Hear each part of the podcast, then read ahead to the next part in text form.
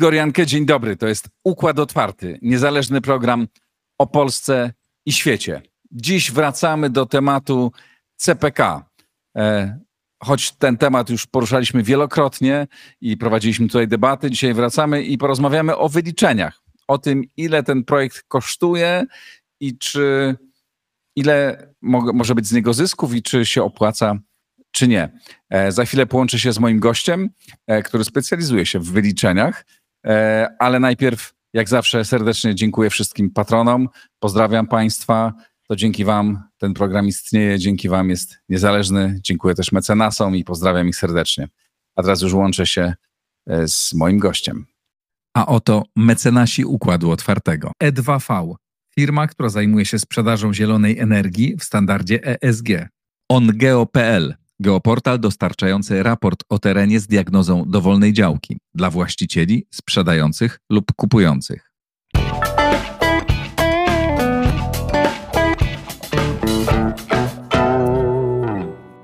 Maciej Samcik, specjalista od liczenia. Dzień dobry, Maćku. Dzień dobry. No i co ci wyszło? E, bo tu, jak wiesz, to sprawa jest bardziej pewnie ideologiczna niż e, finansowa w Polsce i jak jesteś za CPK, to jesteś przebrzydłym pisiorem, a jak jesteś przeciwko CPK, to jesteś zdrajcą ojczyzny. No to kim jesteś? Mów. No tak, ja powiem szczerze, że ogólnie rzecz biorąc dyskusja o CPK mnie trochę denerwuje, bo y, mam wrażenie, że ona schodzi na, na zupełne y, margines tego, o czym się powinno dyskutować. Y, a dlaczego tak jest, to, to pewnie ci za chwileczkę powiem, a, a teraz spróbuję odpowiedzieć na pytanie, bo wiem, że z kolei dziennikarzy bardzo denerwuje, jak gość nie, nie odpowiada na pytania. Więc, y, więc y, powiem tak, CPK jako CPK, jakkolwiek, no tak jak powiedziałem, jest to dla mnie może mniej istotna sprawa, jeśli chodzi o całość inwestycji infrastrukturalnych w Polsce prawdopodobnie się opłaci, tak? No bo jest dzisiaj mamy tak, że przez polskie lotniska przepływa jakieś 45 milionów ludzi. 10 lat temu to było 25 milionów ludzi. Pewnie za 10 lat w związku z tym to będzie 65 milionów ludzi. E, więc e, biorąc pod uwagę, że przepustowość Okęcia na poziomie 20 milionów ludzi to już jest maks, więc my więcej na tym Okęciu za dużo nie zmieścimy, no to trzeba coś z tym zrobić. Oczywiście możemy spróbować rozwijać Radom i rozwijać Modlin, ale e, no, to, to nie jest najbardziej komfortowe z punktu widzenia e, ludzi, którzy chcieliby e, no, korzystać na wysokim poziomie z usług turystycznych czy, czy z usług lotniskowych. Więc z punktu widzenia wyłącznie przewozów pasażerskich to się wygląda na to, że się zepnie. Z punktu widzenia przewozów cargo, no bo na tym dużej części lotniska zarabiają. No tutaj też odbicie jakiegokolwiek kawałka tortu, który dzisiaj ląduje w Niemczech, y, będzie czystym zyskiem najzwyczajniej w świecie. Jeśli dzisiaj połowa całego cargo, które y, y, mm, leci do Europy Środkowej, ląduje w Niemczech, no to jeśli my z tego, z tej połówki sobie uszczkniemy 10-20%, to już jesteśmy do przodu i to jesteśmy do przodu pewnie na kilka miliardów złotych rocznie. Więc y, od tej strony to ja bym się nie obawiał. E, dwie rzeczy mnie niepokoją. E, no, czy lot to uciągnie, ten projekt? No i czy będzie jak się do tego lotniska dostać, jeśli ono już powstanie. Okej, okay, to jeszcze, poczekaj, ale zanim dojdziemy do tego, do tych wątków dwóch, to jeszcze porozmawiamy trochę o tym zwiększaniu liczby pasażerów. Czy tendencja jest taka na świecie, że ta liczba pasażerów ciągle rośnie? Eee, czy też jest tak, że na świecie to już tak niekoniecznie rośnie, ale w Polsce musi rosnąć, no bo zarabialiśmy mniej, więc mniej lataliśmy, teraz zarabiamy coraz więcej e, i nie ma, znaczy nie ma innego wyjścia niż to, że będziemy latać więcej, my Polacy. U nas rośnie szybciej niż na zachodzie, mniej więcej dwa razy szybciej, przynajmniej do tej pory tak było. E. I to wynika właśnie z tego, co powiedziałeś, że po pierwsze jesteśmy coraz zamożniejszym krajem, więc siłą rzeczy coraz chętniej się wypuszczamy, bo nas na to stać już. E, no, a, a, z drugiej strony jesteśmy w, w jednak we wciąż bogatej części świata, drugim najbogatszym obszarze świata, w związku z czym ta turystyka no, y, y, powinna się rozwijać. My jesteśmy dzisiaj statystycznie, jeśli chodzi o taką mobilność lotniczą, mniej więcej na poziomie połowy albo jednej trzeciej, w zależności od tego, jak, jaką nację weźmiemy. To jest mniej więcej połowa albo jedna trzecia takiej aktywności lotniczej, turystycznej mieszkańca Zachodu. Czyli żeby mm, podróżować tyle co oni, to byśmy musieli podróżować dwa, trzy razy y, częściej. I oczywiście to się nie zdarzy z dnia na dzień, y, ani, ani nawet z roku na rok. Natomiast patrząc na to, co się, co się działo w ostatnich 20 latach, no to chyba y, trzeba w coś wierzyć. Oczywiście nie ma żadnej gwarancji, że trendy z przeszłości sprawdzą się w przyszłości, bo te trendy się mogą załamać z różnych przyczyn, o których być może porozmawiamy, ale mm, jeśli się nie załamią, no to, y, to no, nie ma innego wyjścia, po prostu my będziemy podróżować częściej, w związku z tym y, potrzebujemy więcej większych lotnisk, w związku z czym też potrzebujemy potężniejszej linii lotniczej domowej, żebyśmy nie musieli być wożeni przez zagraniczne linie. A jak to jest z tym cargo? E, na ile te, również te przewozy rosną i e, jaki tu jest potencjał do rozwoju? No, y, cargo rośnie, o ile mi wiadomo, nawet szybciej niż przewozy ludzi, ze względu na to, że do tej te ostatnie 30 lat to, były, to była era globalizacji, w związku z czym rozwijał się też handel internetowy. Może niekoniecznie w związku z tym, tak? Raczej obok. Rozwijał się też handel internetowy, e-commerce, wszystkiego, wszystkie zdalne sposoby kupowania i to napędza cargo. E, e, więc to rośnie szybko. Natomiast e, tutaj boję się, bałbym się w większym stopniu prognozować, jak będzie w przyszłości, bo na to cargo to jednak rewolucja klimatyczna może jakoś wpłynąć. Już dzisiaj, jak patrzę, jak słucham, jak rozmawiam z przedstawicielami polskich platform e-commerce, to ich krew zalewa, jak się im mówi o, o tym, jak nieopodatkowane, nieoclone, nieowatowane rzeczy e, z, z Chin, czy ogólnie rzecz biorąc Azji lądują w Polsce i w ogóle w, w Unii Europejskiej. Unia Europejska chce coś z tym zrobić. E, myślę, że będzie niedługo jakaś taka e, odważniejsza akcja przeciwko tym przesyłkom z Chin. Będzie, no mamy deglobalizację, więc będzie też pewnie jakieś ograniczenie e, tego e, liczby towarów e, wożonych z jednego końca świata na drugi. Będą pewnie próby ograniczenia kosztów wożenia rzeczy z jednego świata, z jednej części świata na drugi, no dlatego, że ludzie zamawiają na przykład 10 ciuchów i 8 z nich potem odsyłają.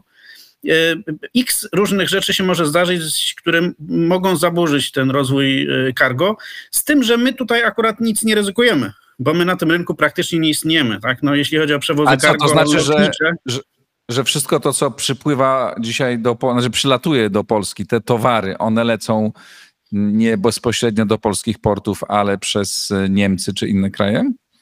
No tak, połowa cargo lotniczego to jest, y, to ląduje w Niemczech. My mamy, zdaje się, jakieś tam 1 czy 2% udziału w tym lotniczym cargo środkowoeuropejskim, więc w zasadzie nic, nic nie ryzykujemy.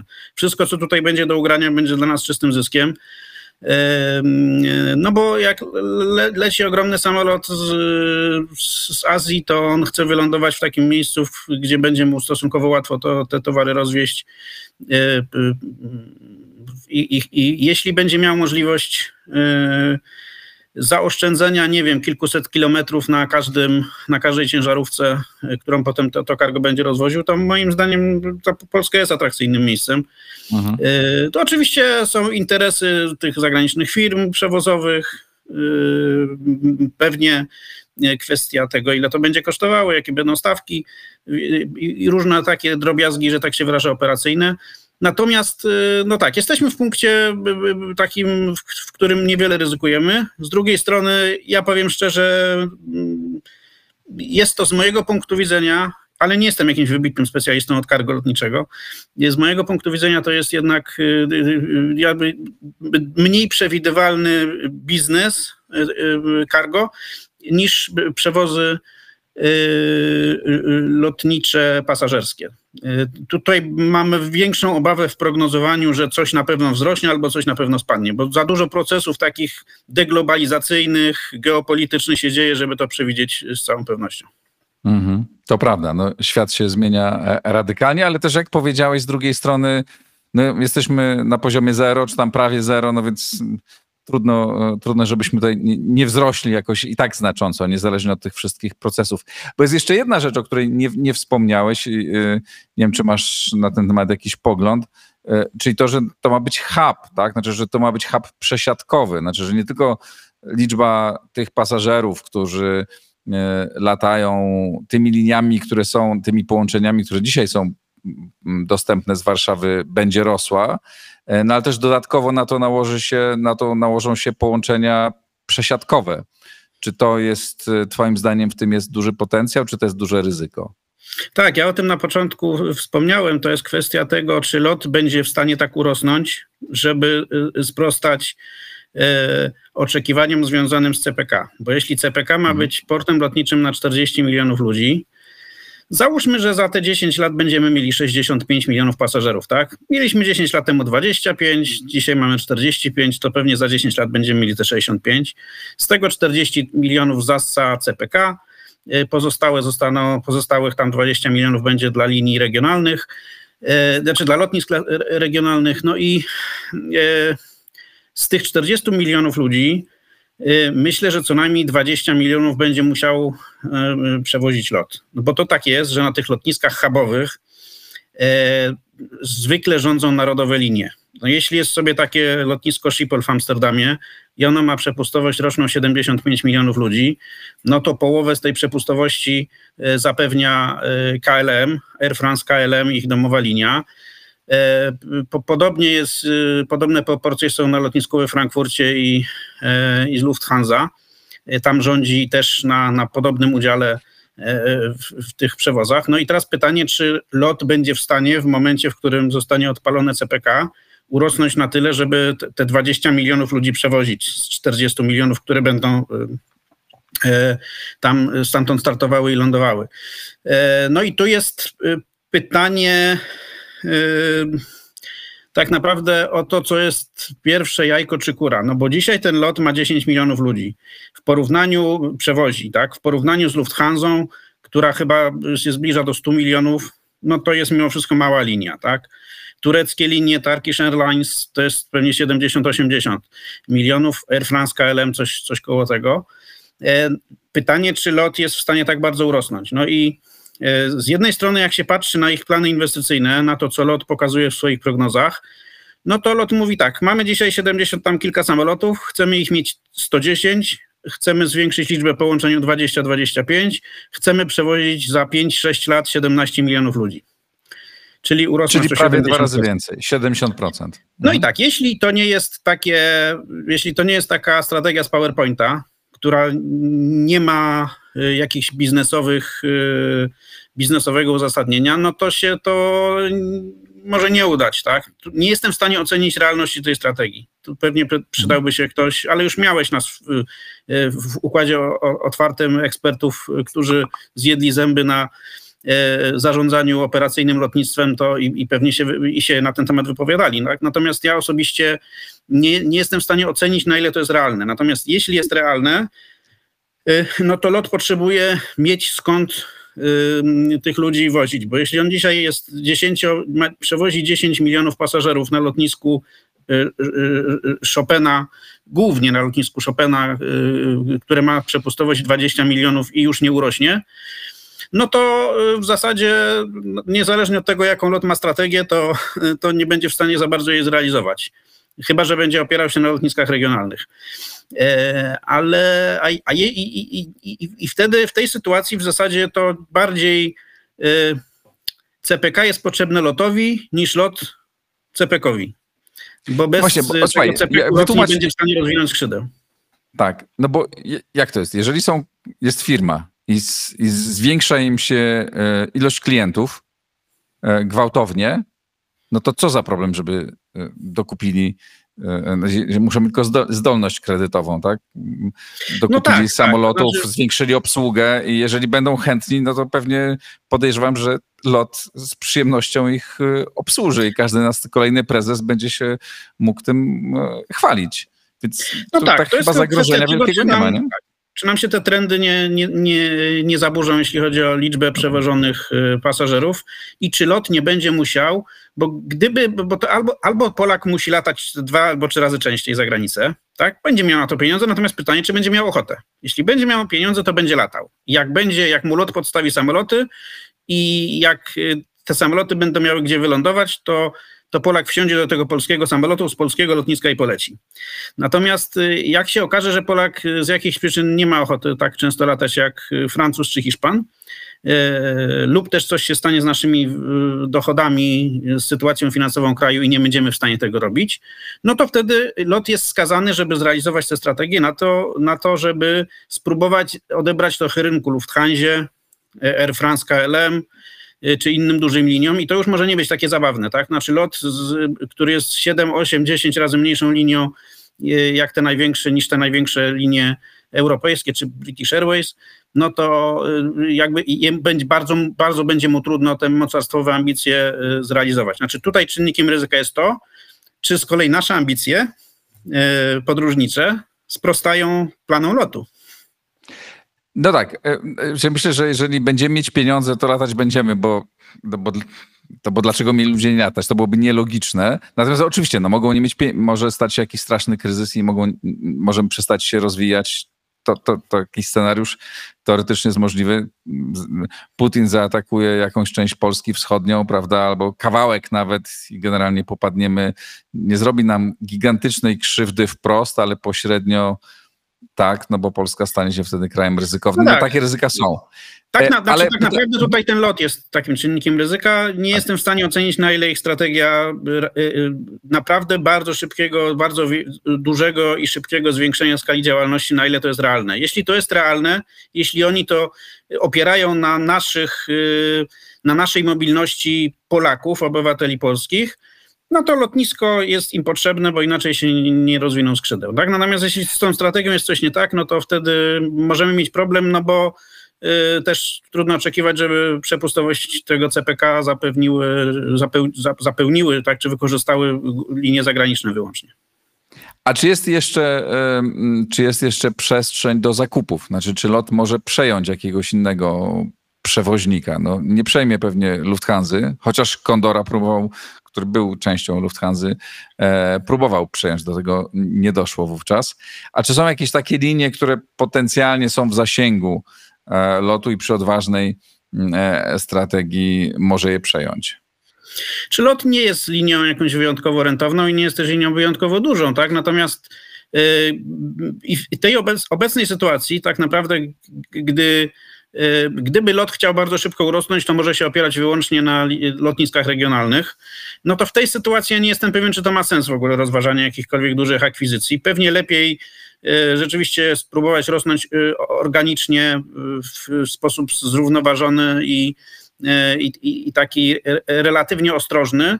E, a jak już to CPK będzie, czy jakiekolwiek inne lotnisko, które będzie w stanie zaspokoić mocarstwową ambicję lotu, to to wtedy rzeczywiście miałoby to sens, bo, no bo lot jest, powiedzmy sobie szczerze, e, przy, tych, przy jego obecnych e, gabarytach, on nie, nie będzie w stanie działać tak efektywnie jak największe linie lotnicze świata. Tak?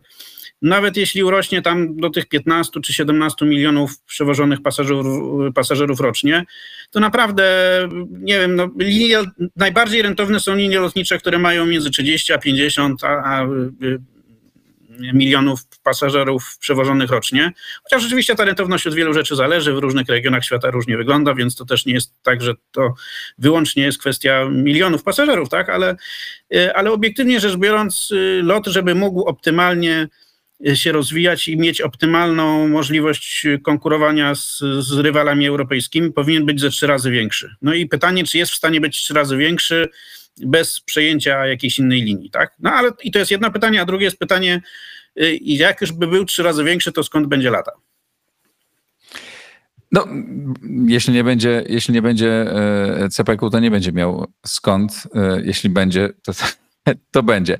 A na ile, no właśnie, no dobra, załóżmy, że nie idzie ten rozwój lotowy tak szybko, tak? Czy inne lotnicze, teraz mówimy o samym interesie CPK, czy inne, lotni, y, inne linie lotnicze są w stanie obsłużyć ten ruch, no zwłaszcza ten ruch y, y, dalekosiężny, znaczy ten, ten ruch na dalekie, na dalekie e, odległości, czy jakieś e, azjatyckie e, linie są w stanie ten ruch przejąć. E, też się mówiło o partnerstwach. Nie wiem na jakim to jest etapie z e, jakimiś e, dalekowschodnimi liniami lotniczymi. Czy to ma sens, czy raczej właśnie lot powinien starać się mm, obsługiwać te, daleko, te dalekie połączenia? Znaczy, powiem szczerze, to zależy od wielu rzeczy, ale ja się troszeczkę boję tej hipotezy, że. Mm, bo, bo to, znaczy, żeby zagraniczne linie lotnicze zapełniały nam moce, w cudzysłowie, przerobowe takiego lotniska, jakim ma być CPK, to musiałoby e, ich obywatele z tych innych krajów prawdopodobnie musieliby mieć e, dużą większą ochotę niż do tej pory zwiedzać Polskę. Polska musiałaby być na tyle atrakcyjnym miejscem, żeby w nim, w nim wylądować, no żeby opłacało się przerzucić część swoich samolotów, zrobić bazę e, akurat w Polsce. Trochę mi się nie chce w to wierzyć, żeby to będzie, że to będzie możliwe. Polska, jak się spojrzy z kolei na różne statystyki dotyczące atrakcyjności turystycznej, to oczywiście jesteśmy, no, powiedzmy, mamy przy, przyzwoite notowania, że tak się wyrażę, e, ale w porównaniu z Hiszpanią, Francją, Włochami, to naprawdę mm, tych turystów do Polski przyjeżdża stosunkowo mało, przybywa. No i nie wydaje mi się, żeby raczej, raczej chyba widziałbym większą szansę w tym, że Polacy będą bardziej mobilni i będziemy e, chętniej podróżowali niż, e, niż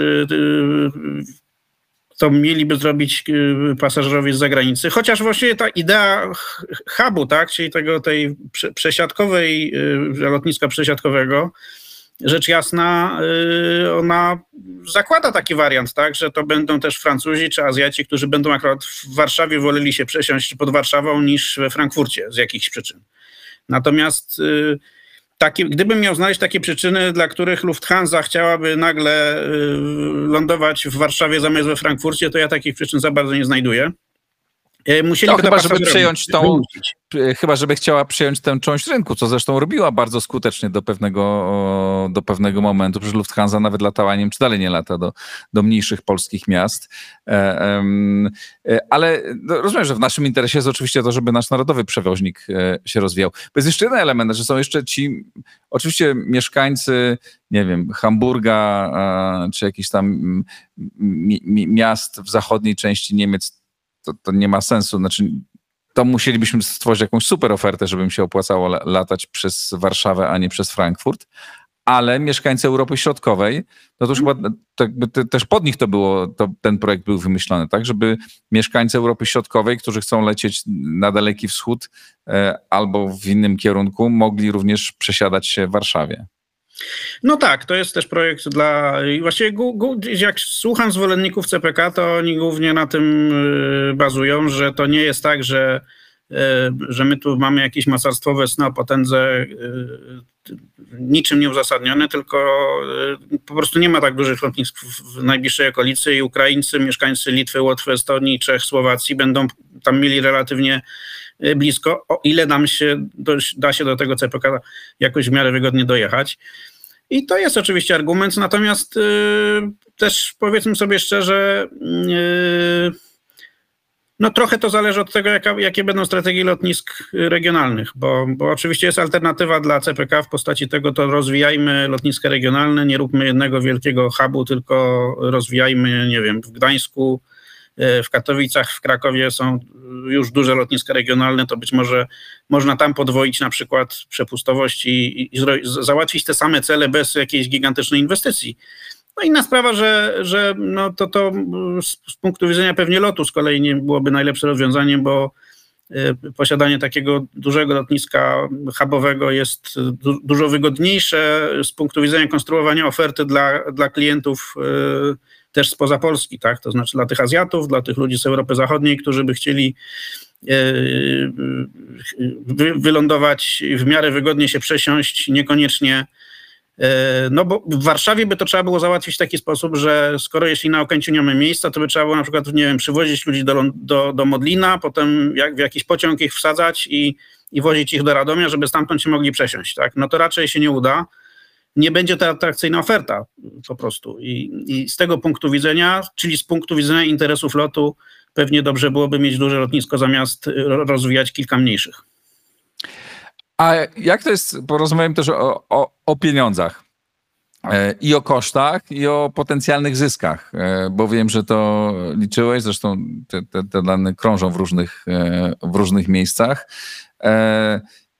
A, czy nas na to stać? B, czy da się na tym zarobić, na ile wprost, na, na ile pośrednio, tak? No bo też taki, mm, no wprost to wiadomo, na czym się zarabia, ale też pośrednio, no to, to jest Mm, pewna machina napędzająca mm, inne części gospodarki. Ale czy to, się, czy to ma szansę się Twoim zdaniem złożyć? E, znaczy, to nie jest wielka inwestycja z punktu widzenia takiego kraju jak Polska. E, sam, sam CPK oczywiście, tak? Bo teraz rozmawiamy o CPK, nie o okolicach. E, mhm. Sam CPK, oczywiście tak jakby roz, rozmawiając o pieniądzach, rozmawianie o pieniądzach jest to o tyle ryzykowne, że właściwie pływamy w takich bardzo ogólnych biznesplanach, które jak je przyjdzie realizować, to pewnie będą już wyglądały zupełnie inaczej.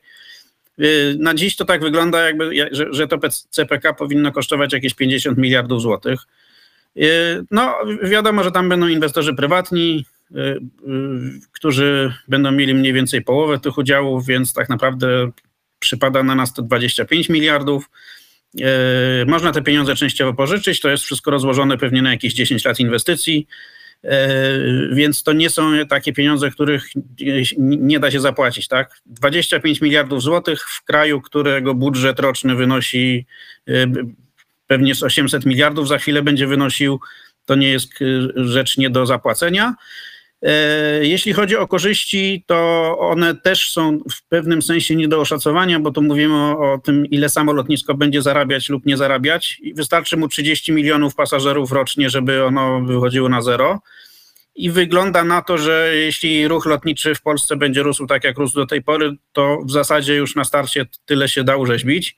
No i do tego dojdzie cargo. Jeśli się tam coś uda uszczknąć z tego z tego tortu. Mm, zobaczymy, jak, jakie będzie wykorzystanie CPK przez zagraniczne linie, ale dla, jakby nie widzę takiego bezpośredniego zagrożenia dla netowności tego projektu. Natomiast y, trzeba też powiedzieć, że no, to się raczej nie skończy na 50 miliarda, miliardach, to pewnie raczej będzie raczej 70-80 miliardów. Jak się patrzy na początkowe budżety innych dużych lotnisk budowanych na świecie, E, i na ich końcowe koszty, to, są, to, to się przeważnie mnoży razy dwa.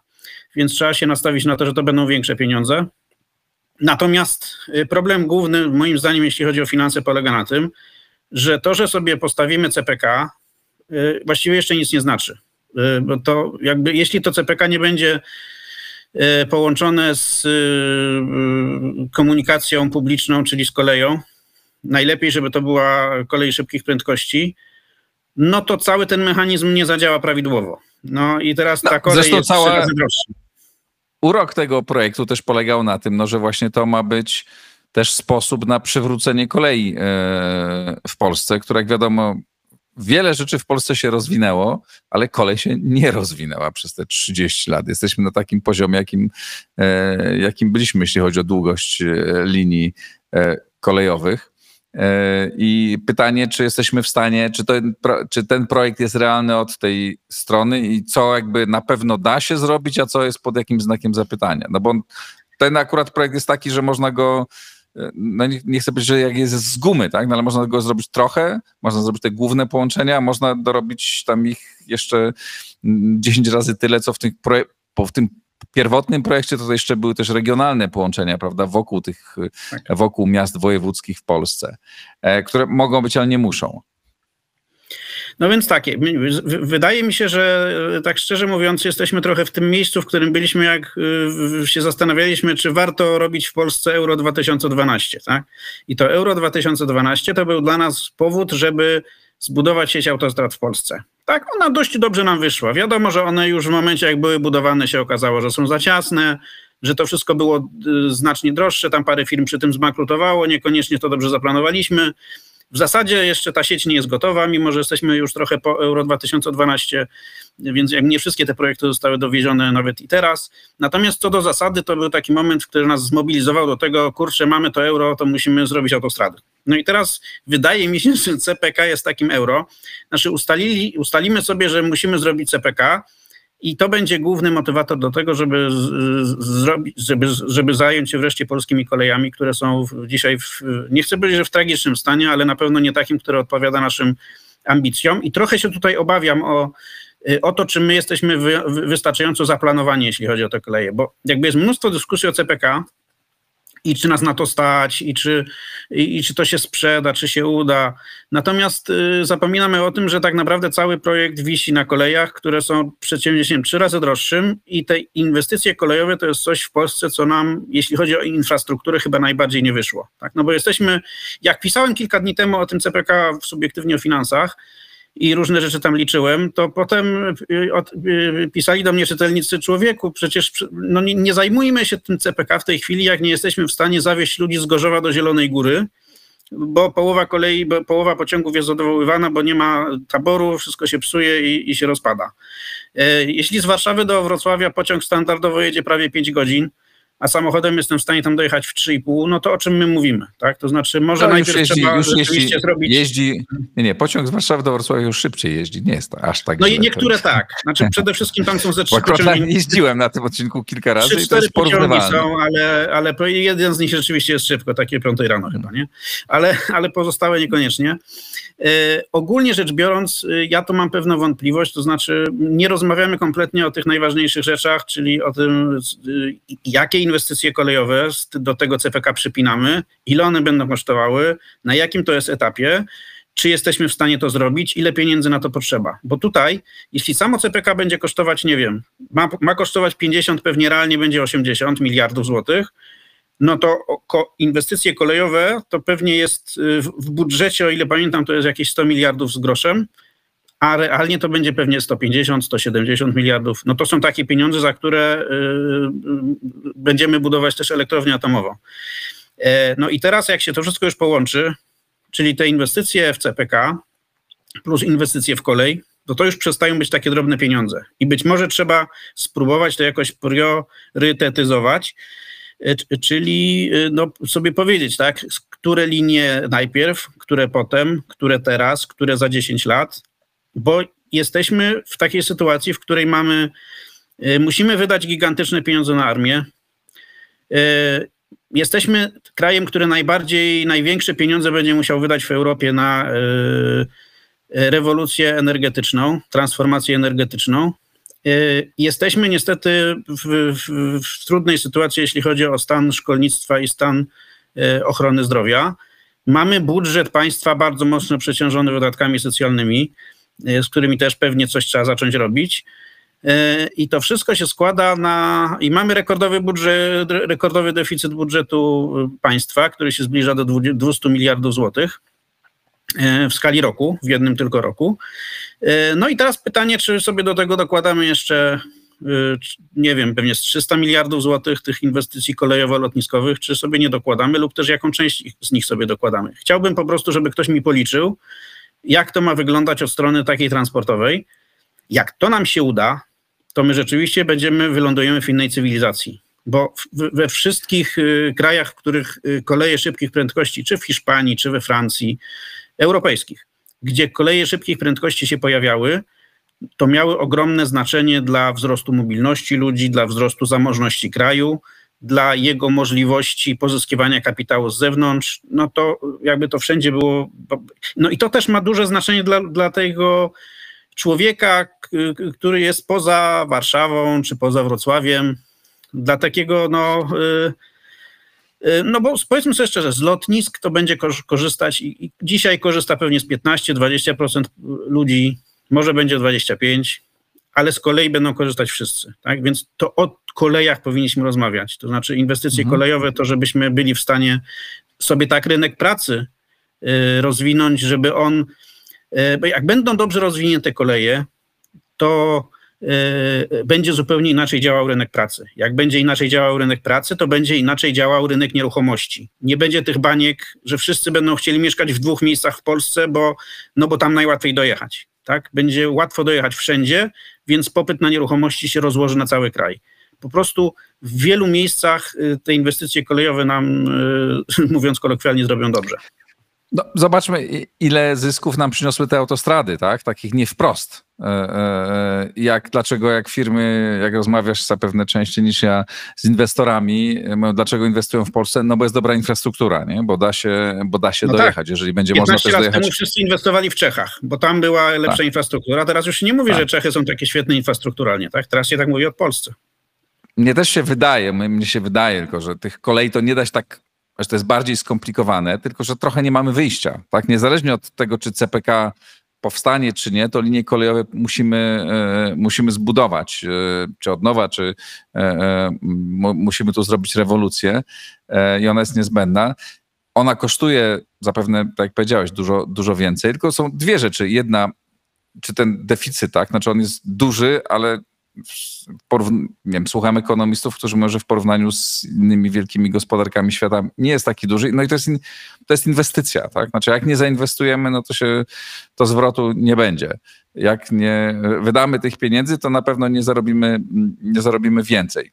E, a druga rzecz jest taka, i tu nie wiem, nie mam pewności, ale takie opinie słyszałem, że na inwestycje kolejowe możemy pozyskać część finansowania e, z Unii Europejskiej, tak? Już na lotnisko pewnie nie, tak? Na linie kolejowe tak.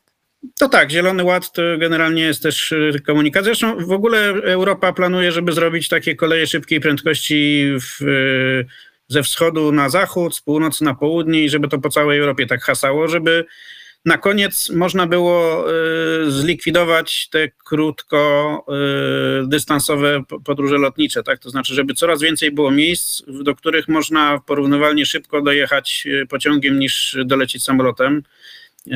Więc to jest y, jakby Unia Europejska oczywiście nas będzie kochać i będzie nam dopłacać do tych wszystkich inwestycji kolejowych, jeśli my to będziemy potrafili sensownie złożyć. Y, I rzeczywiście to jest inwestycja w takim sensie, że y, jeśli zainwestujemy w to pieniądze, znaczy dużo bardziej wolę pożyczać na takie rzeczy i robić deficyt budżetowy, żeby zrobić dobre inwestycje kolejowe, niż rozrzucać pieniądze z helikoptera po to, żeby no, do czegoś, ludziom do czegoś dopłacać, co w zasadzie jest stymulowaniem wyłącznie konsumpcji. Oczywiście nas na to, znaczy na, my jesteśmy krajem, y, jeśli chodzi o deficyt budżetowy, to mamy dość y, duży, bo to jest jednak te 200 miliardów złotych w tym roku, to, y, to nie są małe pieniądze i w, porównaniu do wielkości naszego, naszego budżetu to to my dość no, jesteśmy odważni, jeśli chodzi o, ten, o tę dziurę w budżecie na tle Europy. Natomiast my jesteśmy krajem stosunkowo niezadłużonym. To znaczy, my jesteśmy w stanie pociągnąć jeszcze 500-600 miliardów złotych długu e, bez ryzyka, że, że, że, że ktoś nam powie, że za chwilę zbankrutujemy i że nam więcej nie pożyczy bo po prostu mamy większe zdolności kredytowe jeszcze jako państwo. No, e, I no. fajnie byłoby to wykorzystać na e, właśnie na takie no, inwestycje, które nas wyciągną w zupełnie na inny poziom cywilizacji i też ten, po, nasz kraj poukładają w taki lepszy sposób, bardziej zrównoważony. A zgadzam się, że lepiej na to wydawać, a nie, nie na rozdawanie e, pieniędzy, chociaż Zrozumiałe były pewne decyzje, które w przeszłości zapadły, takie jak tam 500, plus, które wzmacniały tą najbiedniejszą część Polski, tak, ale. Wyrównywały nierówności, kolejne, tak. Kolejne czternastki, piętnastki i tak dalej, to już była kiełbasa wyborcza ewidentna i na to nie warto wydawać. Yy, no chociaż oczywiście fajnie, gdyby wszyscy emeryci mieli te emerytury jak, jak najwyższe, ale to musi być racjonalne. Natomiast podsumowując, to jest, na początku powiedziałeś, że irytuje ta debata. Mnie ja ci powiem, że na początku to mnie ona też irytowała, bo miałem wrażenie, że to jest po prostu, jed, przychodzi jedna partia, musi zanegować wszystko, co zrobili poprzednicy, Ale w wyniku tego wyszła bardzo ciekawa dyskusja. Zobacz, no wreszcie rozmawiamy nie tylko o tym, co powiedział Tusk, a co odpowiedział Kaczyński. Chociaż jak patrzę na polskie portale, tak to codziennie połowę, połowę mm, e, stron tych portali zajmują cytaty, kto, komu, jak odpowiedział i to papka kompletnie do niczego niepotrzebna.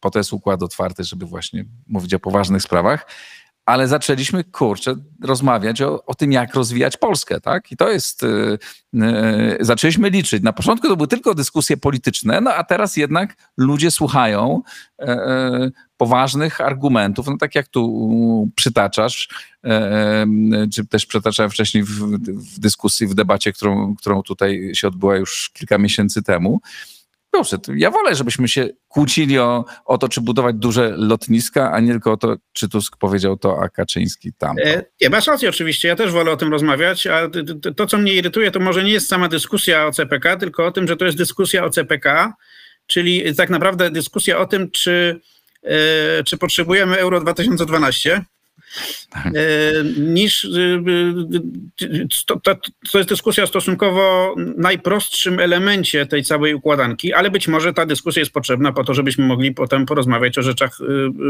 no, najważniejszych tak, w tym projekcie, czyli o tym, jak Polska ma być jak, jak ma wyglądać polski transport kolejowy, który będzie podstawą no, rentowności CPK. Nie, ale ja myślę, że do tego, że o tym już zaczynamy e, rozmawiać, już ta dyskusja być zaczyna być, ona się przeradza właśnie w taką dyskusję cywilizacyjną, nie? O tym, jak chcemy, żeby e, Polska wyglądała, jak chcemy, żeby Polska się rozwijała, na co chcemy wydawać pieniądze, na co nie chcemy. E, no i tak z przyjemnością obserwuję, że, obóz rządzący tak powoli zaczyna wchodzić na bardziej racjonalne tony od takiego tam machania szablą, prawda, musimy wyciąć e, wszystko, co PiS wymyślił, to tam część wycinają, ale tu w sprawie CPK widzę, że tak mam nadzieję, jakby ta dyskusja zaczyna być e, bardziej merytoryczna. I też przy, podejrzewam, że przygnieciony opinią właśnie tym, co się dzieje, co ludzie piszą, co ludzie mówią. E, I to dobrze, że ludzie rozmawiają o takich e, rzeczach, też nie tylko tak, kierując się logiką polityczną, tak, znaczy partyjną, czy tam, że jak jesteś, na początku powiedziałem pół żartem, tak, że jak powiesz, że jesteś za, to jesteś pisiorem, a jak jesteś przeciw, to jesteś zdrajcą ojczyzny, więc chodzi o to, żebyśmy nie rozmawiali w tych kategoriach. No tak, tak. Znaczy, to najważniejsze jest to, że właśnie co, co mówią o tym ludzie, bo to, czego ja się najbardziej obawiam w ogóle w Polsce, to jest to, że my zostaniemy na takim poziomie populizmu, czyli będziemy, e, znaczy po, po, wysokiego populizmu, to znaczy będziemy dyskutować o tym, komu się bardziej należy 500, 800, 1000, 1500 złotych, tak? I do tej pory, przez ostatnich e, kilka lat, to była taka właśnie e, dyskusja, znaczy komu, komu się ile należy, tak? A teraz zaczynamy powoli wchodzić na taki poziom dyskusji, co jest w, w, w, Polsce, w tym naszym kraju najbardziej potrzebne, na co musimy wydawać nasze pieniądze. I teraz potrzebujemy wejść na jeszcze wyższy etap, znaczy z czego, z których elementów na przykład e, wydatków socjalnych, czy z których elementów tego, tych wydatków, które są dzisiaj przyjemne, ale być może nie najbardziej potrzebne, jesteśmy w stanie zrezygnować dla wspólnego dobra, po to, żeby Polska była, znalazła się na wyższym poziomie cywilizacyjnym. Tak? Jak już sobie uświadomimy, że potrzebujemy tego lotniska, że potrzebujemy tych linii kolejowych, że potrzebujemy, potrzebujemy elektrowni atomowych, że potrzebujemy OZE i że musimy włożyć niestety pieniądze w ochronę zdrowia i w, w poprawę polskiego szkolnictwa po to, żebyśmy nadal byli postrzegani jako kraj ze świetną tak zwaną siłą roboczą, tak? Ale pod tą siłą roboczą to my rozumiemy po prostu świetnych specjalistów znających języki e, i, i, i kraj, w którym są ludzie e, wysoko wykwalifikowani pracownicy i że, że jeśli to wszystko mamy mieć, to e, to musimy porozmawiać o tym, że musimy być krajem, który przestaje wydawać pieniądze w sposób nieracjonalny na różne elementy socjalne, oczywiście trzeba ludziom pomagać, tym, którzy tego potrzebują. Z tego nie możemy abdykować. I tu za, zaleta poprzedników obecnych rządzących jest taka, że oni to y, na, tej, na tę drogę weszli, natomiast zasz, zeszli z niej niestety w chaszcze. Y, I, I teraz trzeba po pierwsze wrócić do głównego nurta, a po drugie poważnie porozmawiać o tym, na co wa warto wydawać pieniądze, a na co nie warto. I chyba jesteśmy na początku tej dyskusji i to jest najfajniejsze w ogóle z tego wszystkiego. E, zgadzam się i bardzo chętnie też wrócę z tobą do tej rozmowy, bo, no bo jesteśmy, musimy być konsekwentni, tak? Znaczy, jeżeli uważamy, że jest, jeżeli mówimy o tym, że jesteśmy coraz bardziej zamożni, że zarabiamy coraz więcej, a zarabiamy coraz więcej, e, to czasami sobie nie uświadamiamy tego, ale przepraszam, przypomnę, znaczy taki, e, moja osobista refleksja, czasami takie drobne spostrzeżenia wiele mówią. Rok temu jeździliśmy z żoną po wschodniej Turcji i tak sobie obserwowaliśmy, nikt nie jeździ po tej wschodniej, to w ogóle żadnych turystów. Jeździliśmy sobie, zaczęliśmy sprawdzać, jakie są, jaki jest poziom zarobków e, e, w Turcji, no, która w końcu nie jest mm, takim nieznaczącym krajem. I porównywaliśmy te same, w tych samych zestawieniach, w tych samych statystykach. W Turcji to było 450 dolarów, a w Polsce 1800. I to mi po prostu mnie zatkało, jak to zobaczyłem, nie? Gdzie jesteśmy? No to teraz, skoro tu jesteśmy, gdzie jesteśmy, a za chwilę to pewnie będzie, być może już jest więcej niż 1800, tak? Będzie to, będzie to rosło, zakładamy, że będzie rosło. No to pytanie, czy te wszystkie dodatki socjalne rzeczywiście są niezbędne, skoro sobie radzimy i lepiej było, żeby Polacy sobie radzili, zarabiając sami pieniądze, niż biorąc e, e, kasę z rozmaitych e, Mm, wypłat takich no, państwowych, tak, dotacji, więc to jest tak, poważna tak. dyskusja, zgadzam się, która nas czeka. Narzekamy bardzo na różne rzeczy, ale prawda jest taka, że jesteśmy w 30 najzamożniejszych krajach świata w tej grupie. Za chwilę będziemy pukać do dwudziestki yy, najzamożniejszych krajów yy, globalnie. E, I no, to, jest, to, to już jest ten moment, w którym musimy zacząć się troszczyć o nasze wspólne pieniądze, czyli zacząć je tak inwestować, żeby być drugą Szwajcarią w, jakiejś przewidywalnej przyszłości. Szwajcarzy, jak doskonale wiesz i pewnie większość ludzi, którzy nas oglądają też, też to wiedzą, jak się ich zapyta, czy trzeba im dołożyć pieniądze z socjału, tak? Tam było głosowanie jakiś czas temu na temat dochodu podstawowego, czy każdy ma dostać 500 franków, to przecież zagłosowali przeciw. Bo oni doskonale tak. wiedzą, że to z ich pieniędzy. I teraz tak. Y, ta cała dyskusja o CPK jest y, i, i okolicach, myślę, że temu służy, żebyśmy y, lepiej czytali, na co idą nasze pieniądze i żebyśmy w tej sprawie zaczynali mieć własne zdanie. I to wszystko są bardzo dobre e, wiadomości. Wszyscy narzekają, a my tutaj mamy, e, kończymy jakimiś e, pozytywnymi wnioskami. E, bo Polska może być drugą e, Szwajcarią, zgadzam się. Napisałem o tym książkę nawet, Siła Polski. O, dobrze, reklama, polecam Państwu. Ta książka jest dostępna ciągle w sklepie, który jest, e, jest link do niego jest pod naszym nagraniem. Pod, na, pod naszym nagraniem też umieszczę link do debaty, która jako pierwsza debata na temat CPK się odbyła. Możecie Państwo ciągle ją oglądać. Maciek, bardzo serdecznie Ci dziękuję. Dzięki wielkie. Umawiamy się na e, rozmowę za jakiś czas o, o tym, co obcinać, bo to ważne. Fajnie. Dzięki serdecznie. Dzięki. Dziękuję bardzo Państwu. E, taki jest układ otwarty, ponadpartyjny. Staram się być jak najbardziej merytoryczny i w ten sposób próbujemy tłumaczyć rzeczywistość. Dzięki serdeczne. Subskrybujcie, oglądajcie, wspierajcie na Patronite. Do zobaczenia, do usłyszenia.